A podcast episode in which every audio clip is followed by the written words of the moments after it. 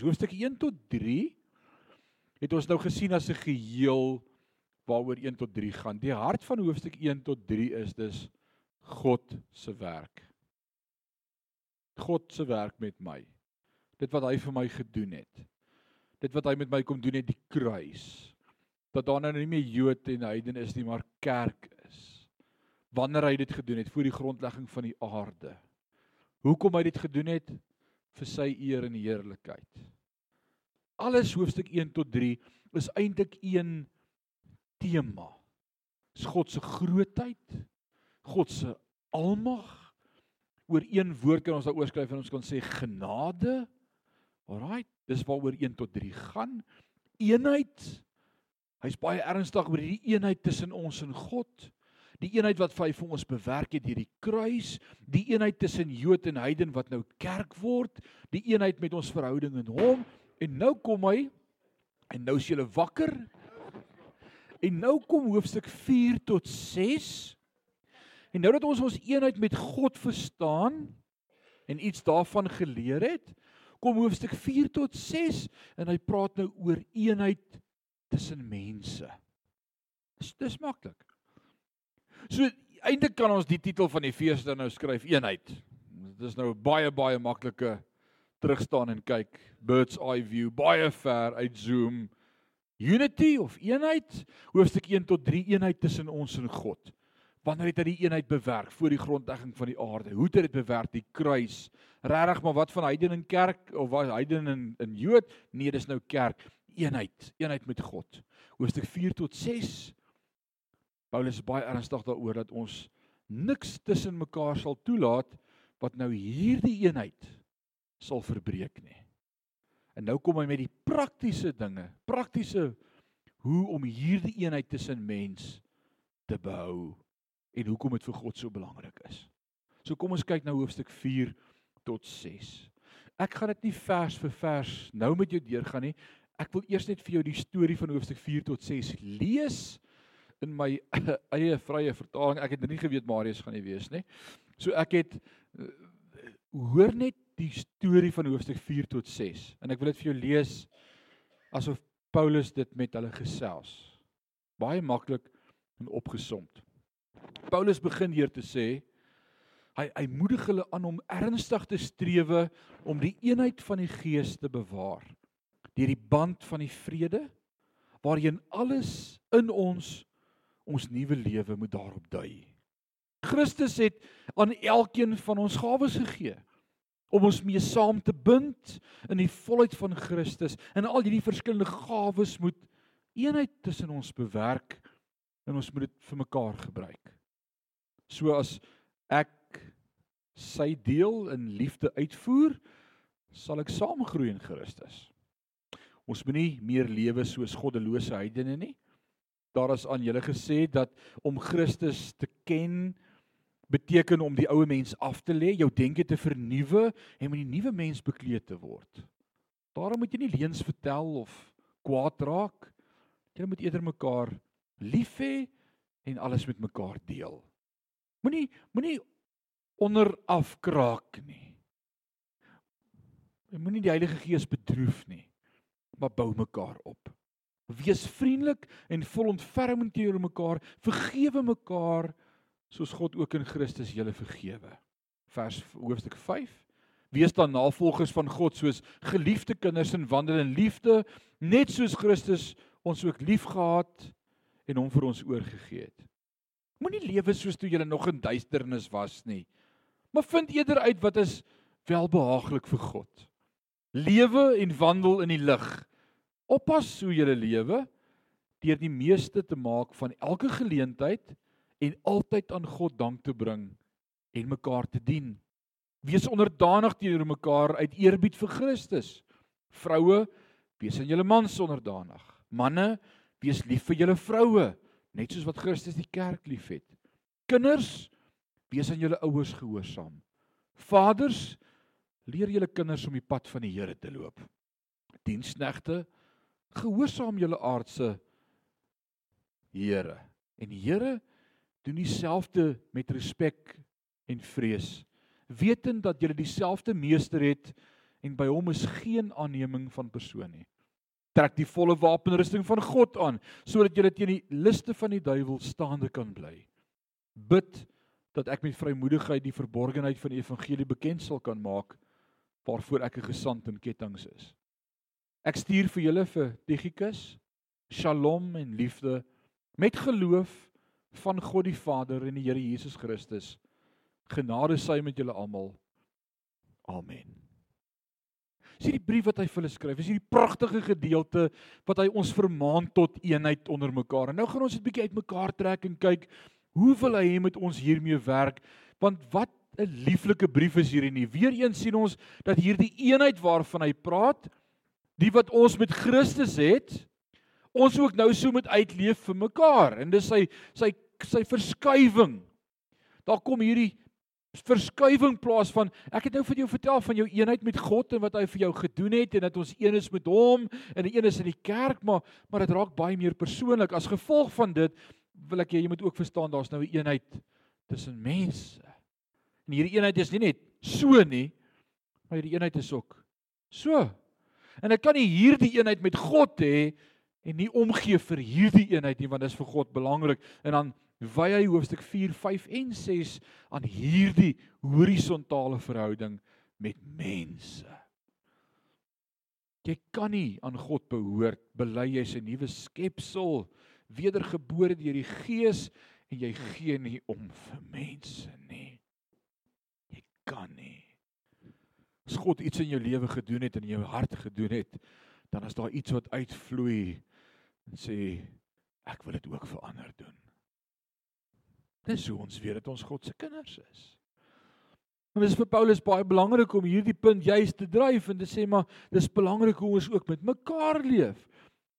Ons moet in eenheid in liefde leef deur die genade van Jesus Christus. So kom ons gaan hoofstuk 4 toe en ons begin ons en dan kyk ons so deur waar kom ons uit. Hoofstuk 4 vers 1. Ek vermaan julle dan.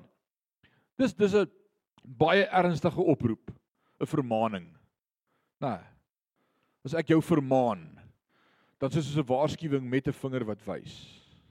Ek vermaan julle dan ek die gevangene in die Here om te wandel waardig die roeping waarmee julle geroep is. Watter roeping is ek mee geroep? Met watter roeping is ek geroep? Hy het nou net 3 hoofstukke daaraan gewy om my te verduidelik wanneer God my geroep het wanneer ek deel geword het van sy plan, watter groot ding hy vir my gedoen het sodat ek op die plek kan staan waar ek staan, posisionele heiligmaking, wie ek is in hom, die roeping, hy het jou vir 'n funksie geroep. Hy het jou nie net geroep sommer, ag okay, kom ek roep, hier's nog plek, hier's nog 'n stoel by die tafel oop, kom ek nooi nog iemand nie. Hy het 'n plan vir jou lewe. Glo jy dit? Sê amen. Hy het 'n plan vir jou lewe. Nou sê ons moet waardig roep daardie roeping, waardig wandel daardie roeping. Wat is my roeping om 'n lewe van eenheid in liefde te lewe? Dis my roeping.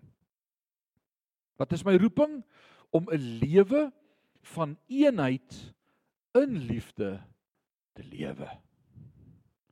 Dit moet my motto wees, dit moet my goal wees. Eenheid in liefde.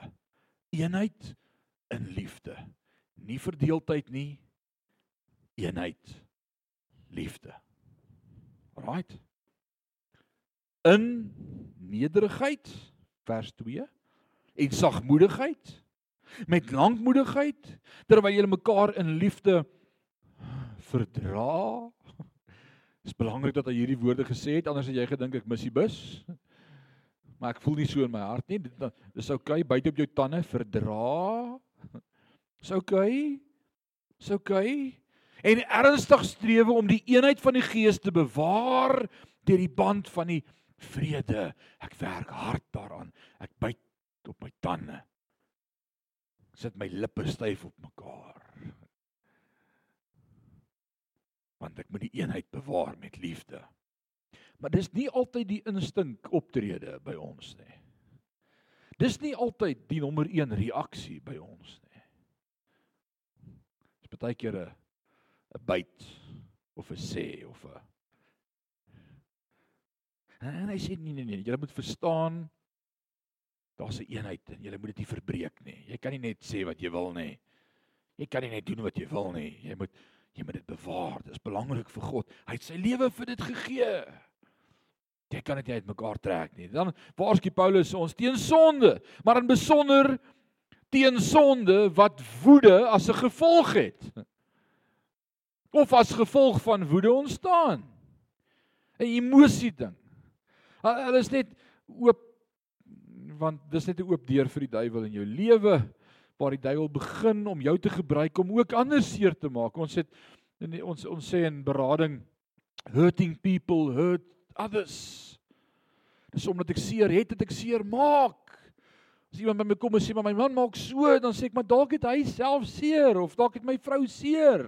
Want mense wat seer het, maak seer en en die duiwel weet dit en daarom wil hy met seer kry sodat jy ander kan seermaak. Dis sy taktik.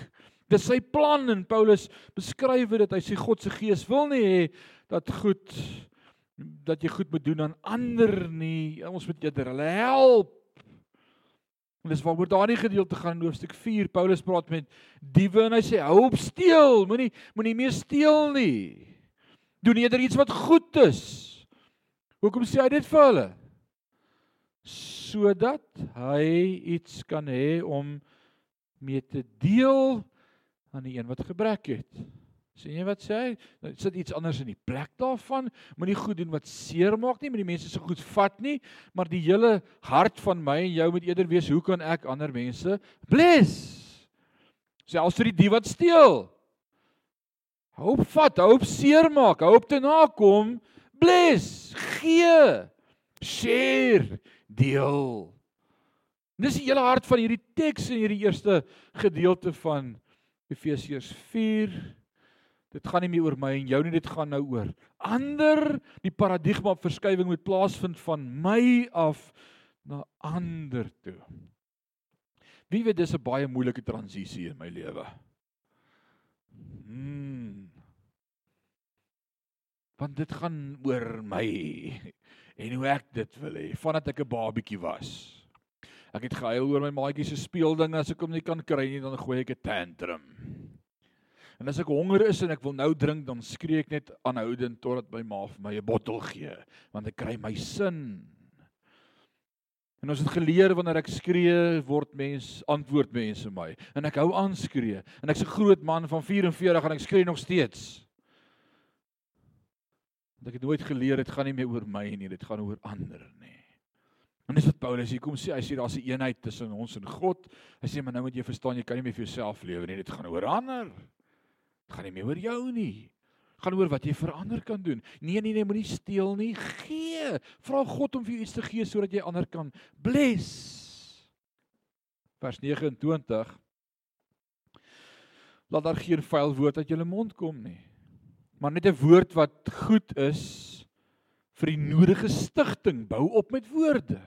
Ag, daarom sê die skrif toe hy in die hoogte opgevaar het, het hy kruisgevangenes meegevoer en geskenke aan die mense gegee. Yes? Vra jy of sê jy? Kom ek lees vir jou die Afrikaanse standaard vertaling. Daarop daarom sê hy toe hy die hoogte in opgevaar het, het hy kruisgevangenes saamgeneem. Hy het gawes aan die mense gegee.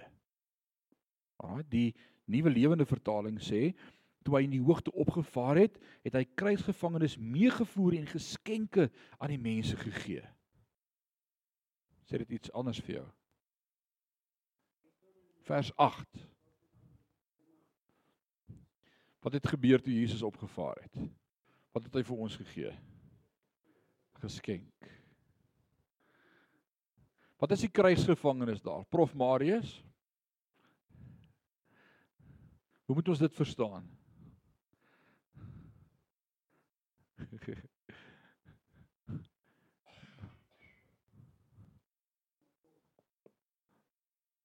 Ek gaan net nou terugkom na hierdie eerste gedeelte toe dan kyk ons of ons dit of ons dit daarna gaan sê. Ek skiep met opset 'n paar verse nou om dit vir jou net nou te wys. Alraai. Maar ek gaan nie noodwendig oor daai gevangenes praat nie. Dis 'n goeie vraag.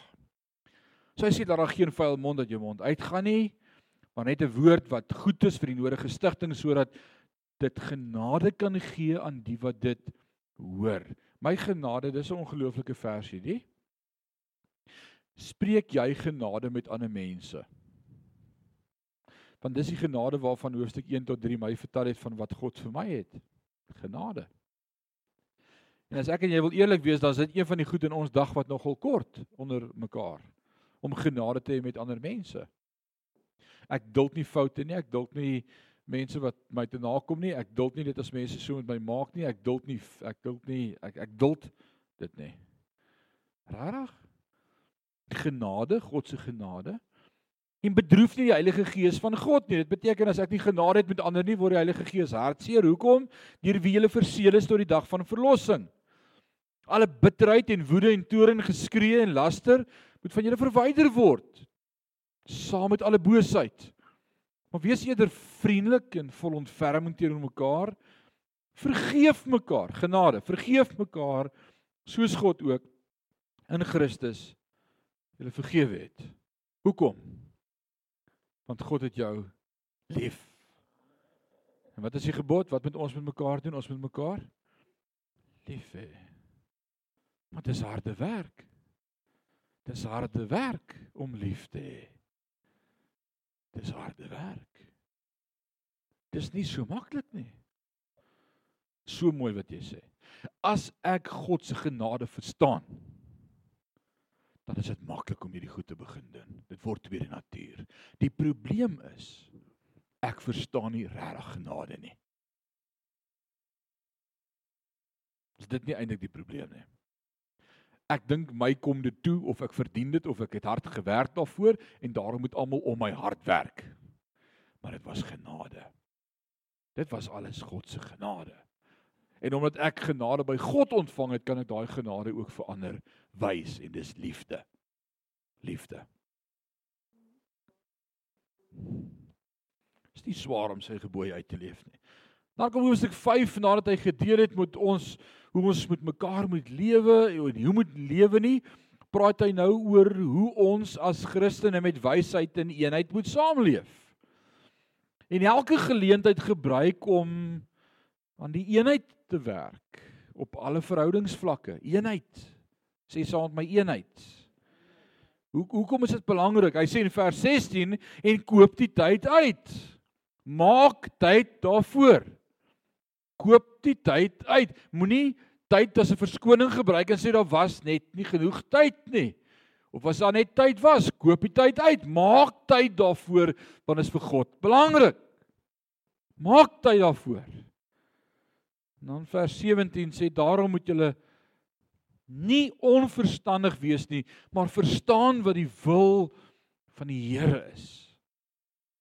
Met ander woorde, daar's 'n verkeerde manier, 'n regte manier. Moenie dit doen nie, doen dit. Moenie dit doen nie, doen dit. Vers 18 sê moenie dronk word van wyn nie, daarin is losbannigheid, word eerder met die Gees vervul.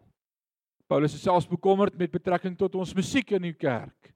Want hy praat daar in vers 19 en 20 en hy sê spreek onder mekaar met psalms en lofsange en geestelike liede en sing en psalms sing in julle harte tot eer van die Here terwyl julle God die Vader altyd vir alles dank in die naam van ons Here Jesus Christus en aan mekaar onderdanig is in die vrees van God.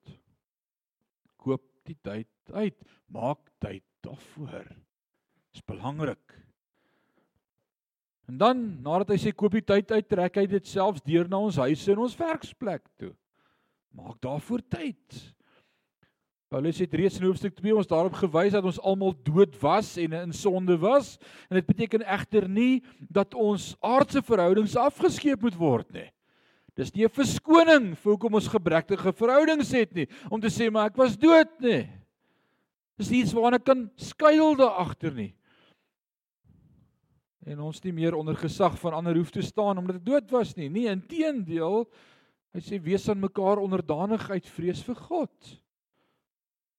Alhoewel elke Christen geroep is om in liefde te dien, moet die ander se belange hoër gestel word as jou eie. Is dit nie belangrik nie? En nêrens in die skrif wil ek sê is dit 'n oproep tot wederwysige submissie noodwendig, né? Nêrens sê omdat ons nou in Christus is, is ons almal mekaar gelyk nie. Nee, dis vir hom baie belangrik om te verstaan daar's nog steeds hiërargie, daar's nog steeds verhoudings, daar's nog steeds rolspelers. Dis nie te sê dat ons nou net almal dieselfde is nie. Hy maak nie weg met dit nie. Nee, inteendeel hy verduidelik dit eerder. Hy sê vrouens, wees aan julle eie man sonder danig. Respekteer hom. En manne, wees lief vir julle vroue. Kinders, wees gehoorsaam aan julle ouers. En dan terselfdertyd vir die ouers en vaders, moenie julle kinders vertoor nie, maar voed hulle op in die tug en vermaaning van die Here. Sy hart diensknegte En dit is geen verwysing na rasgroep nie, maar aan die meerderheid van die populasie wat ondergeskik is aan diensleweraars wat werk neem. Hy sê jy moet 'n baas het. Hy sê diensknegte of werkers wees gehoorsaam aan die baase na die vlees soos aan Christus. Maar soos diensknegte van Christus wat die wil van God van harte doen en met goedwilligheid die Here dien en die mense nie. Wow, as jy sukkel om elke dag by die werk jou beste te gee of by die werk te kom of betyds by die werk te wees, skryf hierdie skrifgie teen jou yskas. Dit gaan jou lewe verander. As jy doen dit vir die Here. En wat jy doen, doen jy vir God en as jy sukkel, doen dit vir die Here. En eienaars, basse, hanteer jou werkers sodat jy onthou God kyk vir jou. Moenie hulle dreig of bang maak nie. God weet wat jy doen, doen dit op die regte manier. Soos vir onsself. Wat sê hy vir ons dan? Op jou, wat sê hy vir jou en vir my? Hy sê staan dan vas. Soos of hy jou in die oë wil kyk of jy sê jy moet verstaan wat is jou posisie, daai posisie waarvan ons gepraat het, posisionele heiligheid. Hy sê ek en jy staan. Ons bly staande. En dan kom hy 4 keer en herhaal hierdie en hy sê staan, staan, staan, staan. En ek dink hoe ouer ek word, hoe meer verstaan ek wat beteken dit om staande te bly. Dink jong mense sukkel dalk om dit te verstaan. Hulle is nie hier vandag nie. Maar ek dank God ons kom aan die einde van nog 'n jaar en ek kan sê Here, vir nog 'n jaar my staande gehou in die geloof. Ek het in my geloof verloor nie staande gebly. Nee, ja, daar was krisisse, Here. Dit het moeilik gegaan. Ek was baie dae heeldag op my knieë, maar ek het staande gebly. Hmm. Deur die aanslag van die duiwel. Ek ek het aan die kant uitgekom. Meer as 'n oorwinnaar. Ek het staande gebly. En dis jou posisie. En as en as hy hier praat dan sê hy jy moet net bly staan. Dat my dink aan aan Moses. Toe hy sy arms in die lug moes hou en die volk die oorwinning kry. En dan wat gebeur met sy arms? Draak moeg. En dan wie stel hy langs hom aan om te sê kom, tel bietjie sy arms op. Aaron en Hur, wat doen hulle? Hulle met sy arms in die lug hou en en so kom Paulus en hy vermaan hierdie ouens en hy sê: "Hey, moenie moenie moenie moeg word langs die pad nie, nee man. Daai slap knie, met kom aan, staan." Jy verstaan nie, God het dit klaar vir jou gedoen. Dis alles iets dan. Tetelestai is klaar gedoen. Hy hy klaar vrede met God bewerk. Hy het jou klaar gebless met alle seëninge in die hemel en op die aarde. Hy hy hy klaar vir jou voorbeskik. Hy het jou klaar geroep met 'n roeping. Al wat jy moet doen is staan net. Dit is so jammer vir ons tyd dat soveel mense net gaan lê en opgee. Is dit nie 'n tydsgees nie? Om op te gee. Dani,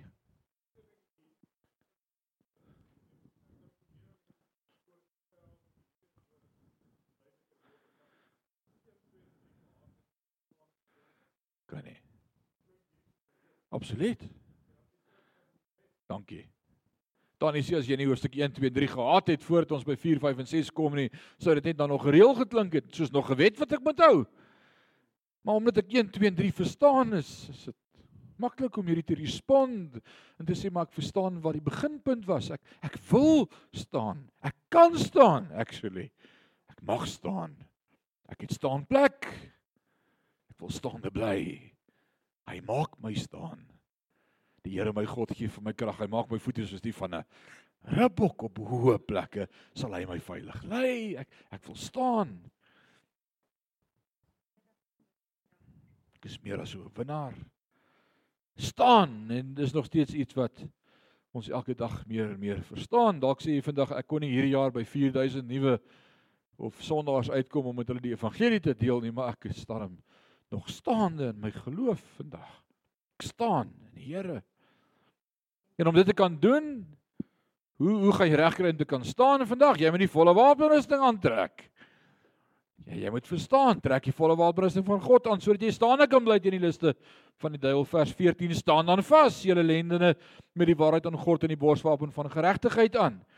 En as skoene aan julle voete die bereidheid vir die evangelie van vrede.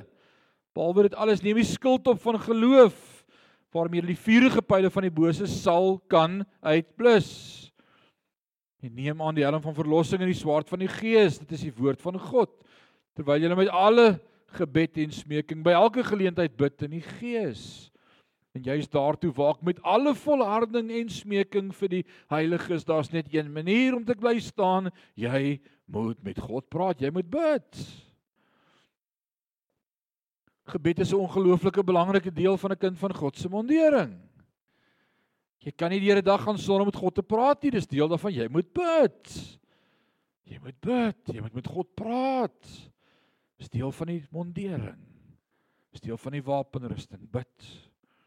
En vir my vers 19 sodat 'n woord my gegee mag word as ek my mond oopmaak om met vrymoedigheid die verborgenheid van die evangelie bekend te maak waartoe ek 'n gesant is in ketTINGS sodat ek daarin vrymoedigheid mag spreek soos ek moet spreek. Regtig Paulus, jy's 'n jy's 'n gevangene, jy's 'n ou man, jy sit in die tronk, jy's besig om te praat, jy's besig om met vrymoedigheid met boldness te share. Dis hoekom jy in die tronk is.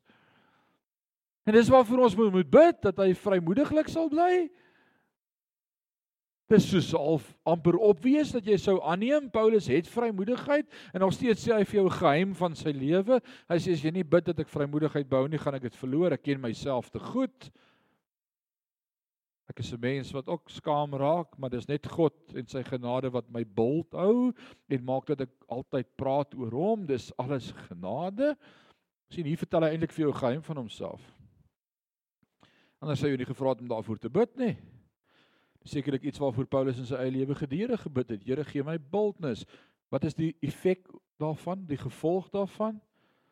'n Man wat vir ons so groot deel van die Nuwe Testament skryf. En jy sou dink hy het 'n onverskrokkenheid. Jy sou dink hy het boldness en hy's nie bang vir die duiwel nie. Hy sê asseblief hou net aan vir my bid dat ek met deursettings vermoë die waarheid sal praat. Dat die Here vir my woord sal gee. Ek bid die hele tyd daarvoor. As Paulus dit gebid het, wil ek sê hoeveel te meer moet ek daarvoor bid. Want man, hierdie het my in die hart gegryp, diep. Sê Paulus, regtig? Ek het nie geweet nie Paulus. Ek het gedog jy's gebless met 'n wonderlike gawe en talent. Hy sê nee, is net God se genade. Ek bid daarvoor. Bid jy ook vir my daarvoor? Selfs in die gevangenis bid hy daarvoor. Dis sekerlik nie toevallig dat twee van die Nuwe Testamentiese stellings oor God se grootheid en sy soewereiniteit uit die penne van twee ou manne in aanhouding sou kom nie.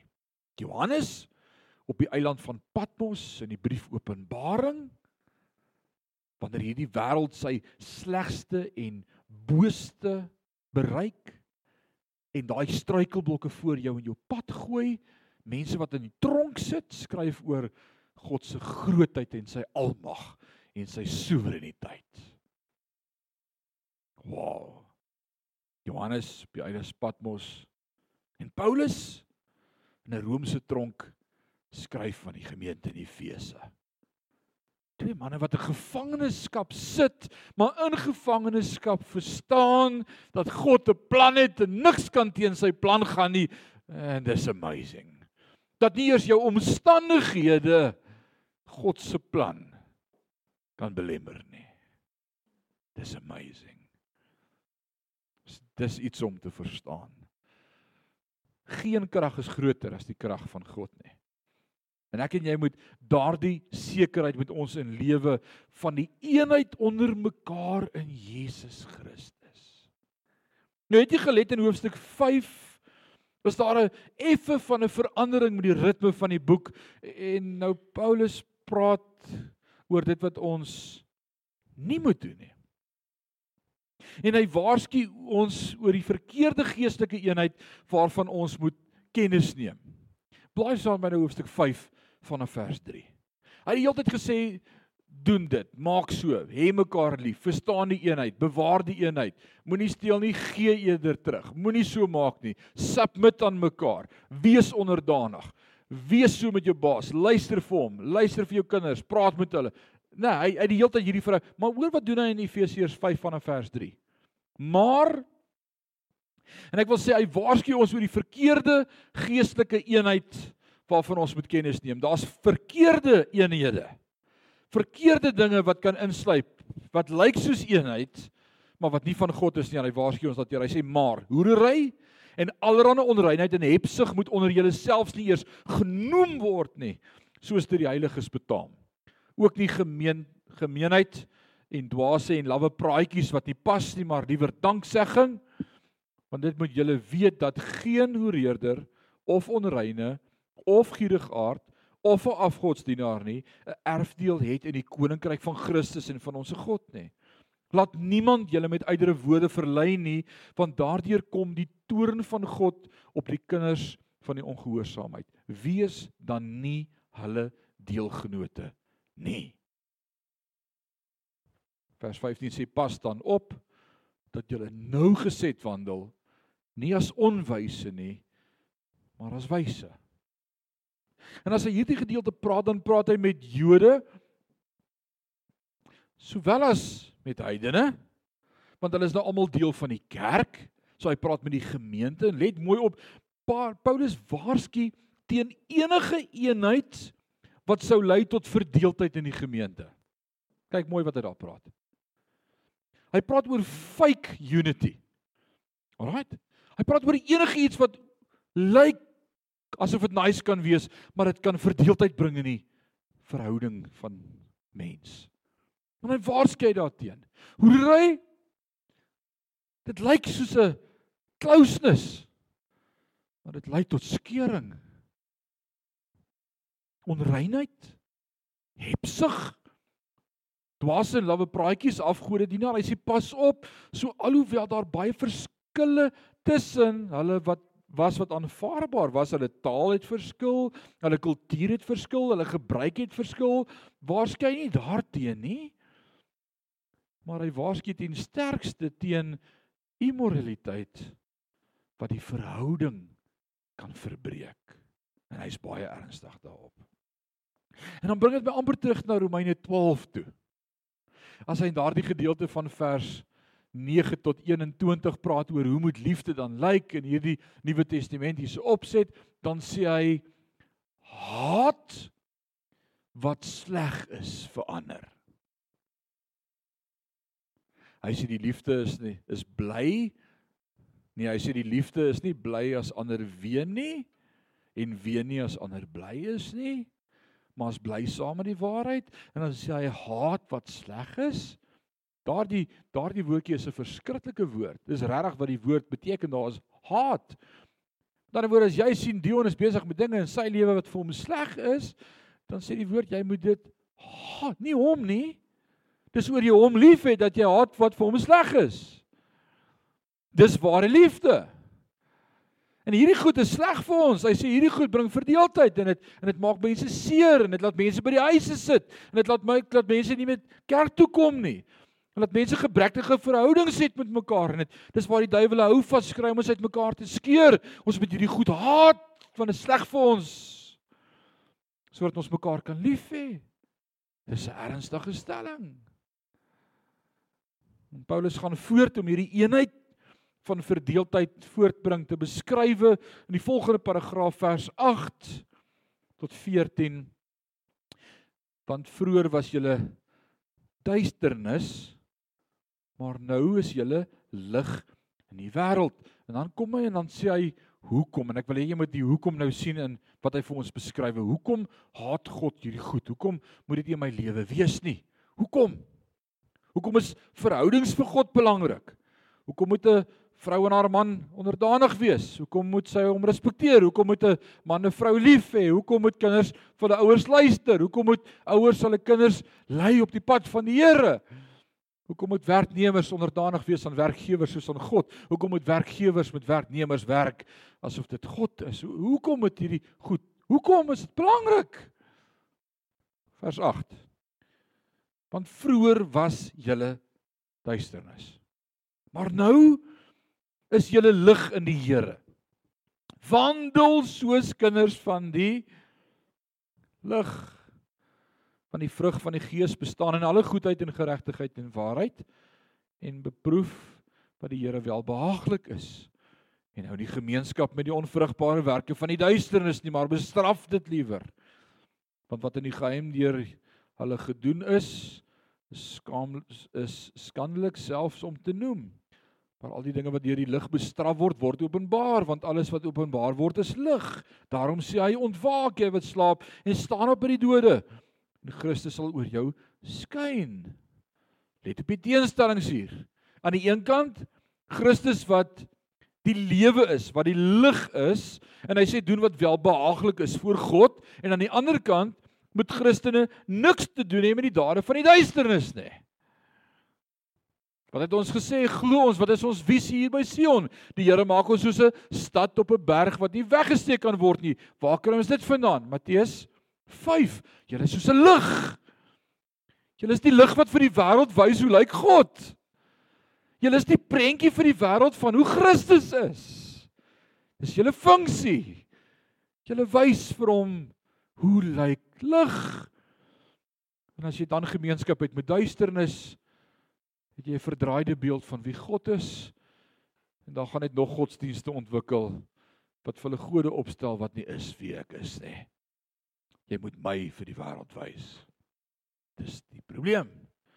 Right. Hy sê bestraf dit liewer. En Paulus sê nie dat Christene verhewe is bo ander nie. Nee, hy sê net ons moenie gemeenskap hê met sonde nie. Ons laat staan die werke van die duisternis van die verlede en ons wandel nie meer soos in die verlede nie. In die hart van die boek Efesiërs, ons wat in duisternis was, almal van ons, maar ons wandel nie meer soos toe ons in duisternis was nie. Ons lyk nou anders.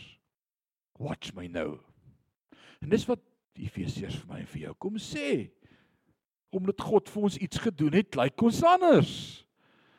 Ek dink dit is 'n fenominale boek vir enige kind van God om mee te begin in sy geestelike wandel met die Here. Efesiërs. Of jy sê hoe groot is die werk wat God vir jou gedoen het. Dit was toe nie jy nie, dit was alles God. En omdat dit hy was, wil ek my lewe teruggee en sê wat kan ek doen?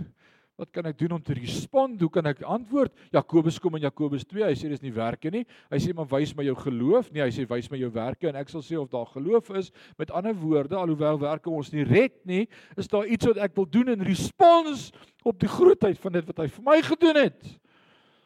En daarom sê ek iemand wat regtig genade verstaan, is nie iemand wat in sonde wil voortleef nie. Ou wat sê ek ek ek verstaan genade, ek kan maar aanhou met sonde want daar was genade. Ek wil vir jou sê Romeine 6 vers 1, sal ons aanhou om te sondig nou dat ons kennis van die waarheid gekom en dan sê Paulus nee, stellig nie. Jy verstaan nie. As jy genade verstaan, dan wil ek my lewe inrig en wy om te sê, wat kan ek doen? Wat kan ek doen? Dis nie omdat ek iets moet doen nie, maar ek wil. Ek verstaan hoe dood ek was. Ek wil net iets terug doen. En Jakobus skryf dit in Jakobus 2. Hy sê wys my jou werke en ek sal jou sê of jy geloof het. As jy geloof verstaan is daar iets wat volg. Dis nie die werke eers en dan kom geloof nie, nee. Want geloof is 'n geskenk van God. It's amazing. Maar, maar maar wat kan ek doen? Mag die kerk nooit verenig word met duisternis in hierdie wêreld nie. En ek dink daarom is dit belangrik in die dag en die tyd waar ons leef om te bestaan dat die kerk nooit met die wêreld moet hande vat nie. Ons kan ons is anders. Ons is anders. En ons funksie is om lig te wees. En hierdie wêreld is boos en duister. En ons moet anders wees. Maar die vraag dan is maar wat was dan God se plan en doel met genade? En Efesiërs is sekerlik die sterkste boodskap vir elkeen van ons van hoekom. Dis 'n werk wat God in ons doen. Ons was dood en hy het ons lewend gemaak en ons is gered deur die geloof en selfs daai geloof het nie uit ons het gekom nie maar van hom of dit was 'n geskenk gewees en it's amazing dis wat hy vir my gedoen het en dan wil ek vra vanmôre maar hoekom Hoekom het hy dit gedoen? Efesiërs 3 vers 10 en 11 sê sodat nou deur die gemeente aan die owerheid en magte in die hemele die menigvuldige wysheid van God bekend gemaak kan word volgens die ewige voorneme wat hy opgevat het in Christus ons Here. Kyk baie mooi wat sê hy. Hoekom? Hoekom is dit belangrik vir my om in die regte verhoudings te lewe met mekaar? Hoekom moet ek vrede hê met my vrou? Hoekom moet ek vrede hê met my werknemers en werkgewers? Hoekom moet ouers en kinders vrede hê? Hoekom moet ons hierdie verhoudings reg doen? Hoekom moet ek wegbly van duisternis af? Ho hoekom moet ek in die lig wandel? Hoekom moet ek die vrede najag met almal? Ho hoekom moet ek die lieg en steel nie? Hoekom moet ek eerder gee en bless? Hoekom is hoofstuk 4, 5 en 6 vir my gegee as riglyn? Hoekom? Hoofstuk 3 vers 10 sê sodat Nou deur die gemeente sien hier's hierdie nuwe entiteit. Ek is mos nou deel van die gemeente. Is jy deel van die gemeente sê gou amen. Jy's deel van die liggaam van Christus. Sodat nou deur die gemeente aan die owerhede en magte. Nou kyk gou kyk gou op. Wie sien wie wie van julle sien iets hierbo? Nee, jy sien dit nie met jou natuurlike oë nie. In Efesiërs 6 het dit ook vir ons beskryf. Hy sê ons stryd is nie teen vlees en bloed nie, maar teen nie bose magte. Hier's hier's goed in die gees, dis wêreld hier in die gang. Ek en jy verstaan dit nie, hier's dinge. En nou sê hy vir ons 'n groot geheim in hoofstuk 3 vers 1. Hy sê sodat nou deur die gemeente, deur ons, deur ons optrede, deur ons handel, nou dat ons verstaan wie ons is in Christus en wat hy vir ons gedoen het en die manier hoe ons met mekaar lewe en hoe ons die vrede najag bo alle dinge en ons met mekaar werk en praat sodat ons deur die dinge deur die gemeente aan die owerhede en die magte in die hemele en menigvuldige wysheid van God bekend kan word. Jy's besig om vir die heelal se geestesdimensie God se plan te wys want hulle verstaan dit nê. I don't know who are we teaching but we are teaching. En die engele het God se genade nie verstaan nie. Hulle leer. Hæ? Volgens die ewige voorneme wat hy opgevat het in Christus ons Here. En dit was alles God se plan. Sodat God se plan deur die kerk aan die heelal bekend gemaak kan word. So as ek my nie steur aan Efesiërs 4, 5 en 6 nie. En verhoudings nie belangrik vir my is nie en 'n wag voor my tong nie daar hoef te wees nie. En wat ek vir wie sê en wat ek terug sê en wat ek doen, ek my nie aansteur nie. Is ek nie deel van die kerk van die Here Jesus Christus wat vir die heelal God se plan bekend maak nie. Dis 'n mond vol. En daarom moenie jou meng met duisternis nie. Jy staan uit as lig. En lig en duisternis kan nie meng nie. En God se lig moet so deur ons skyn. God het 'n plan. Daar's verlossing in Christus. Hy het my nuut gemaak. Hy het my wederbaar. Die dinge wat ek gedoen het, doen ek nie meer nie. Ek het die sondige afgelê daai pad van heiligmaking, progressiewe heiligmaking. Kyk hoe verander ek. Wie verander my? God verander my. En mag ek en jy vandag opnuut besef ek is deel van God se plan en dis alles net genade. Alles net genade. Dan kom vers 3 en 24 van Efesiërs 6. Vrede vir die broeders en liefde met geloof van God die Vader en die Here Jesus Christus. Die genade sy met almal wat ons Here Jesus Christus in onverganklikheid liefhet. Amen. Dan kan ons die opsomming van Efesiërs vir jou soos volg gee. God maak van beide Jode en heidene wat in Jesus glo 'n nuwe eenheid. Ons noem dit kerk. Raai jy jy verstaan dit? 'n Nuwe eenheid, kerk. Ons moet leef soos kerk in eenheid, in liefde en eenheid met mekaar. Ons moet leef soos kerk. Nie net maak dit met deel van die kerk nie, ek moet ook leef soos kerk. En hoe leef kerk? Liefde, eenheid, eenheid, liefde, liefde, eenheid, eenheid, liefde. Mans, vrouens, vrouens, mans. Kinders, ouers, ouers, kinders. Werknemers, werkgewers, werkgewers, werknemers. Broers, susters. In die derde plek wil ek sê moenie verenig met die wêreld buite die genade van God nie. Moenie meng met duisternis nie. Moenie jou ophou met die verkeerde goed nie. Moenie deurgee vir die duiwel nie. Moenie hierdie werk wat God in jou begin het vernietig nie. As jy laf. In die vierde plek. God het alles gedoen nie vir ons eie heerlikheid nie, maar vir sy eer. It's all about him. Jesus. As ek nou 'n dominee was, het ek gesê amen. Nou kan jy 'n vraag vra.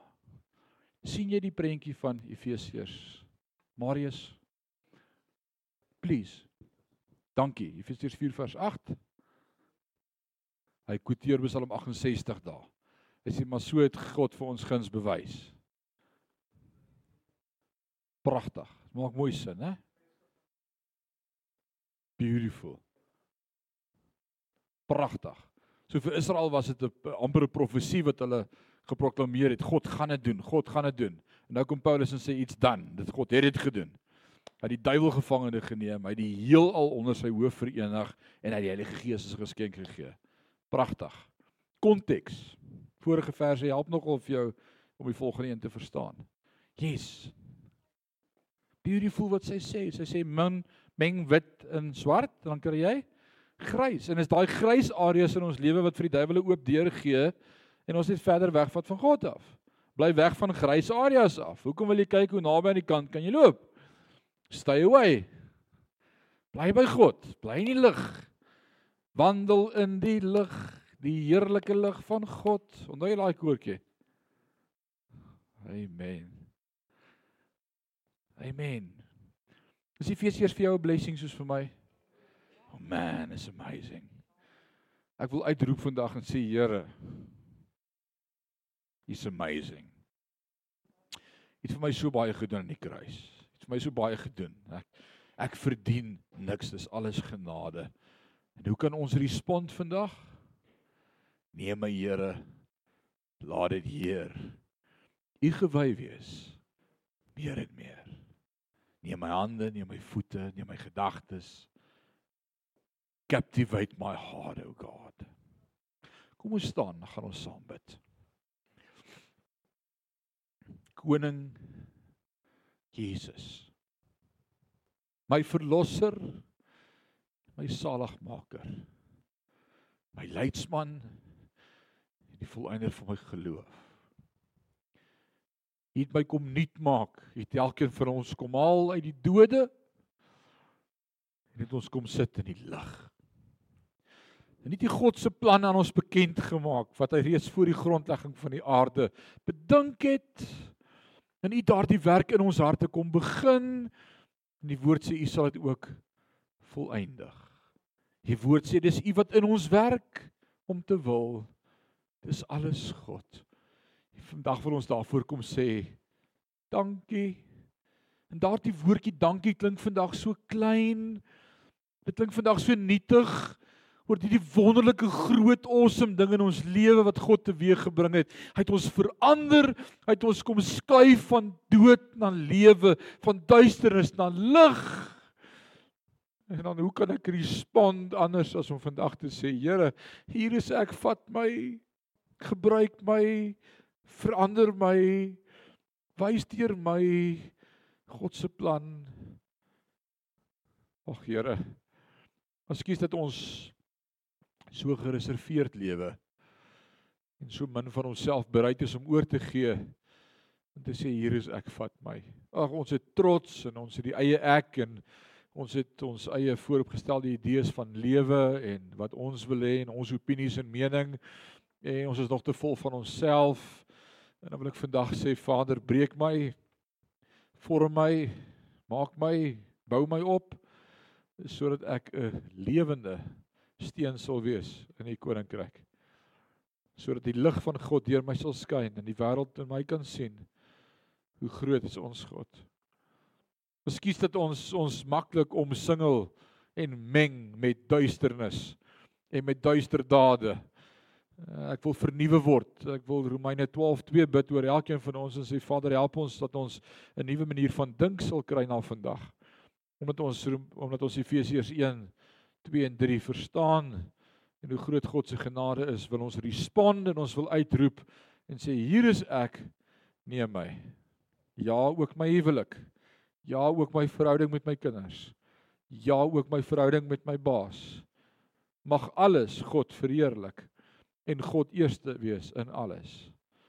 Vader, hierdie dag behoort aan U. Ons wil bid vir môre se diens en ons saamkoms en mag dit net geken word aan U besoeking met U teenwoordigheid en en mag U met ons kom praat en mag ons U beleef en mag dit sommer net sommer wonderlik wees in U teenwoordigheid. Maar ons wil ook bid vandag daar in ons huise en in die res van ons lewe, daar waar ons beweeg, in ons verhoudings met mense, die goed waarmee ons sukkel.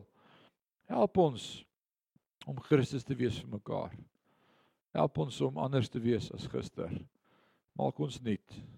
En dis net die werk van die Heilige Gees aan U dan al die lof en al die eer. Is ons gebed in Jesus naam en sê ons sê amen en amen.